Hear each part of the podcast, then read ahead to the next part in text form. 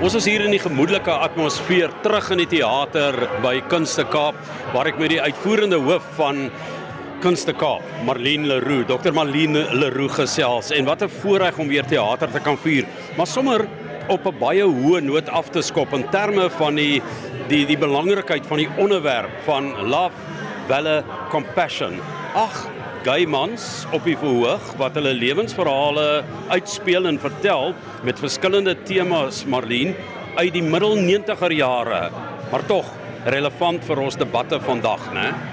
Wat so belangrik is Johan, is dat ons op 'n hoogtepunt geopen het hier by Kunste Kaap. En ek wil vir die luisteraars sê, kom kyk, dit gaan nie net oor gay wees nie. Dit gaan oor die lewe. Dit gaan oor die dood. Dit gaan oor vriendskap.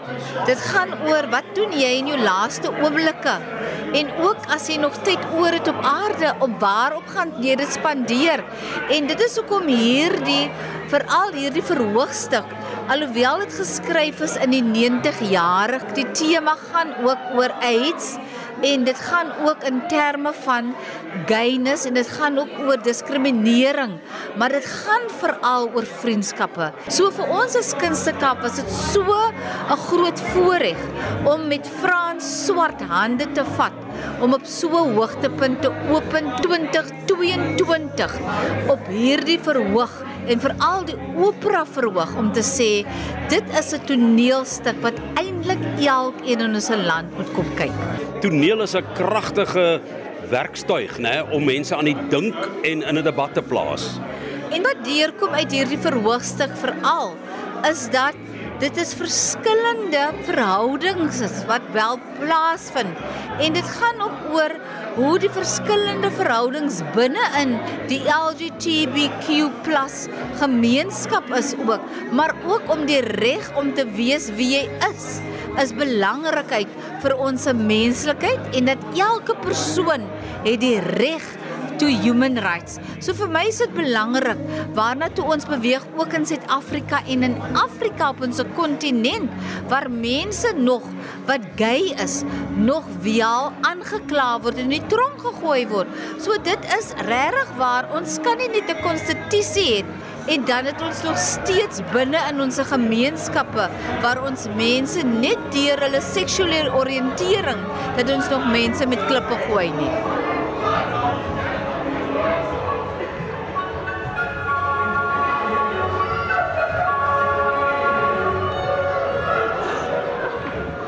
Roland van Gericke het die rol vertolk van Perry Sellers. Dis 'n bietjie van 'n skiet op Peter Sellers en dis ag gay mans in Amerika wat hulle lewensverhale uitspeel, maar daar's baie lewenswaarhede daarin, maar jy het ter 11ter ure aangetree in hierdie produksie Roland. Vertel vir ons 'n bietjie hoe dit gebeur het. Ja, dankie Johan. Ehm um, dit is eintlik 'n ongelooflike ondervinding. Ehm uh, hulle het my gebel en vir my gesê, "Hoorie Roland, ehm um, jy moet inspring." Toe sê ek, "Yes." En hier gaan ek. En hier is ons nou. Ehm um, dit was soos jy gesê ter 11de uur. Ehm uh, maar die span was ongelooflik en dit is ongelooflik lekker. Ongelooflik uitdagend. Ehm um, ek self wat nie 'n gay man is nie en ek moet eers nie die teks net leer nie, ek moet alles verstaan. Baie interessant ehm um, dat 'n akteur baie keer in 'n rol geplaas word wat eintlik heeltemal teen jou DNS en jou gene ingaan. Hier is jy as 'n nie gay man in 'n gay rol. Wat het hierdie produksie in hierdie kort tydjie waar jy betrokke was aan jou gemaak aan die bewustheid van die LGBTQI+ tema en uh, ook die belangrikheid van die debat op die tafel? Ja, jy het nou so mooi gestel eintlik. Die tema is presies wat dit is. Ons het ehm um, saamgekom vir ons eerste lees eers maandag. En ek leer net soveel meer en dan en dan sê hulle vir my, "Hoekom is jy so stadig? Jy moet vinniger praat." En dan sê ek van, "Nee, wag, ek probeer eers verstaan." En sodra ek verstaan, dan kan ek gaan nou weet ek hoe om dit te sê.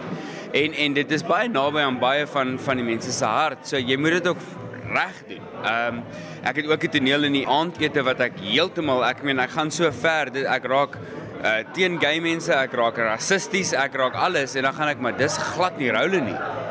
En en dan is dit nog lekker want jy jy kan die gehoor voel. En nou terwyl ons op dit is, hoe lekker is dit om weer gehoor te hê na die na die wat nee was ons 19 maande met COVID en en hier is ons en dit is nogal lekker om om dit weer te kan doen. So Dis 'n uitdaging, soos ek net gesê het, dis dis ongelooflik lekker. Jy het jou eie produksies ook en jy het gesê jy's besig daarmee. Jy doen 'n baie interessante Robin Hood vir die kinders waar jy vir hulle leer om te steel van ryk mense en dit vir die armes te gee. In Suid-Afrika nogal 'n relevante tema, maar wat doen jy daarmee? Wat wat leer jy eintlik vir die jong mense in die skole?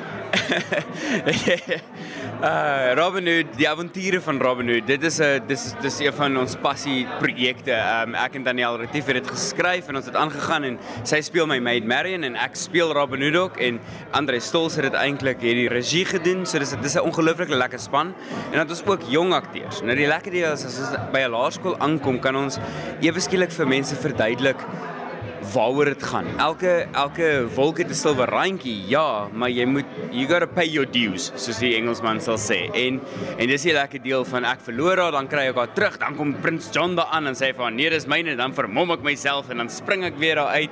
En en dis dis so lekker vir my wat wat al vir so lank eintlik in die industrie is, maar om weer terug te gaan kinderteater toe en weer te gaan, "Jo, hierdie is waar dit gaan."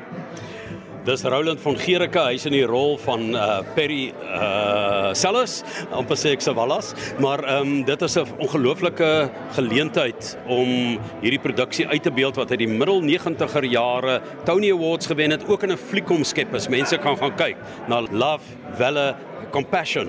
Die fliek gaan kyk en dan ook teater toe kom is baie belangrik. Dit is 'n totaal ander ervaring want dit is ware mens wees na ware mens wat jy eintlik speel. Maar ek wil net so vir jou ten slotte vra om terug te wees op die verhoog vorige gehoor die ervaring vir 'n akteur om energie in te bons in 'n gehoor en iets terug te kry. Dit moet fenomenaal wees. Ja, ek weet jy luisteraars kom my gesig sien toe jy dit nou sê want dis dis ongelooflik. En dan om terug te wees, ek het die opera verhoog by Artscape gespeel 6 jaar terug en toe was ek jonk en om nou terug te kom en dit te kan speel is net net ongelooflik. En jy het ons gehoor en en vir hulle om uit te kom, want hulle hoef nie van hulle huis af te gaan nie. COVID is nog steeds 'n ding. En hier is hulle en dan dan sê jy iets en dan kry jy eintlik 'n reaksie.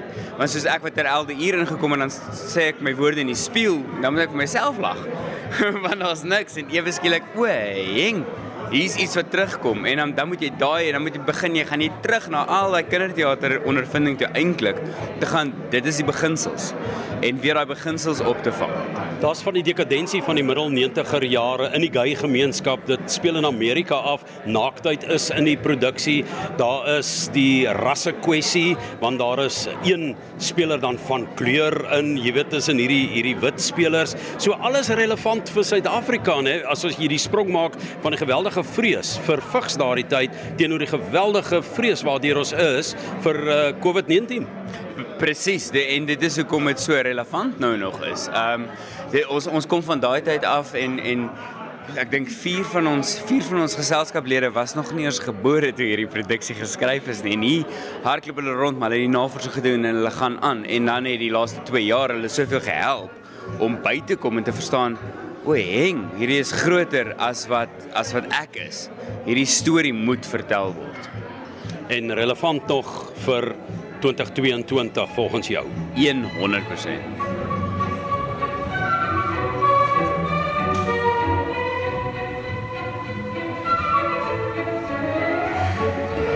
En Dr Marlene Leroux het julle groot lof toegeswaai Frans Swart van Lefra Produksies oor die waagmoed om so 'n produksie wat so relevant is selfs na 20 jaar plus uh, met die LGBTQI+ tema op die planke te plaas. Maar jy het baie lank gelede jy dit in 'n ander plek gesien en toe Greg jou genader het gesê, "Ja, jy dink die tema is nog relevant." Waar het jy en jou vrou dit gesien? Weet jy Johan, ons het 25 jaar terug uh, by die ou Gramstad Kunstefees het ons het gewaag om na hierdie stuk te gaan kyk. Nou daai tyd was die tema omtrent nie bespreekbaar nie. En uh toe Greg vir my nou vra, toe gaan my gedagtes terug na 25 jaar. Onthou op daai stadium was net die Gramstad Kunstefees. Daar was nog nie aardklop nie. Daar was nie klein Karoo nie. Uh so ons almal al die kunstemense het maar uh, Gramstad toe gegaan en wat 'n produksie en snaaks genoeg soos jy ook tereg gesê het dit is nog relevant vandag. En ek dink nie dit so net die gay tema nie. Uh gewone paartjies beklei ook gewone mense se kinder ook. Uh dis dis eintlik maar 'n vriendskaps uh drama. Uh mense hoef dit nie te kategoriseer nie. Natuurlik is dit 'n uh, gay tema en uh word dit baie goed uitgebeeld deur McNally want ek dink hy het totale insig in die hele uh gemeenskap gehad en watter konflik daar is want jy soos jy ook weet is 'n drama ou as jy nie konflik het nie dan is daar mos nou nie 'n drama nie. Jy moet 'n bietjie jy moet 'n bietjie konflik hê. Ek wil mense nooi om te kom kyk na die tema en hulle oop te stel en daaroor te debatteer en te dink en jy weet net 'n bietjie te gaan kyk soos in 'n spieël. Waar staan ek met betrekking tot wat in die lewe om my aangaan of is ek net selfsugtig in my eie wêreld vasgevang? Tot wanneer is love, welle, compassion nog op die planke hier by die Kunste Kaap in Kaapstad? Johan ons speel nog deur tot die 13de Februarie. Uh ons vind deesdae die mense hou baie van die matinee vertonings uh Saterdag en Sondag 3 uur.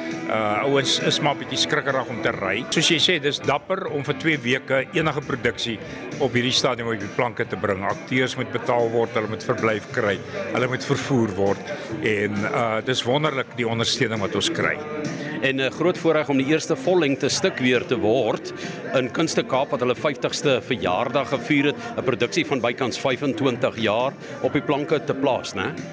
Dis wonderlik, weet jy, uh, ek het nou die produksie baie gesien daar by die Markteater en vanaand het jy ook iets weer magic soos ons in die teaterwese uh, noem. Iets magic het gebeur want die akteurs het net hulle harte uitgespeel. Uh, ek weet nie of dit die Kaap is nie, maar uh of dit Kunste Kaap is nie want ons speel in die Operahuis. Nou, dis 'n groot voorreg. Uh was nog altyd vir my 'n groot voorreg om in die Operahuis van Kunste Kaap te speel. So dis wonderlike beligting, wonderlike klank en hierdie massiewe uh teater wat ons natuurlik moet vul. Uitdagende tema, onthou Love Well Passion tot die 13de Februarie op die planke by Kunste Kaap.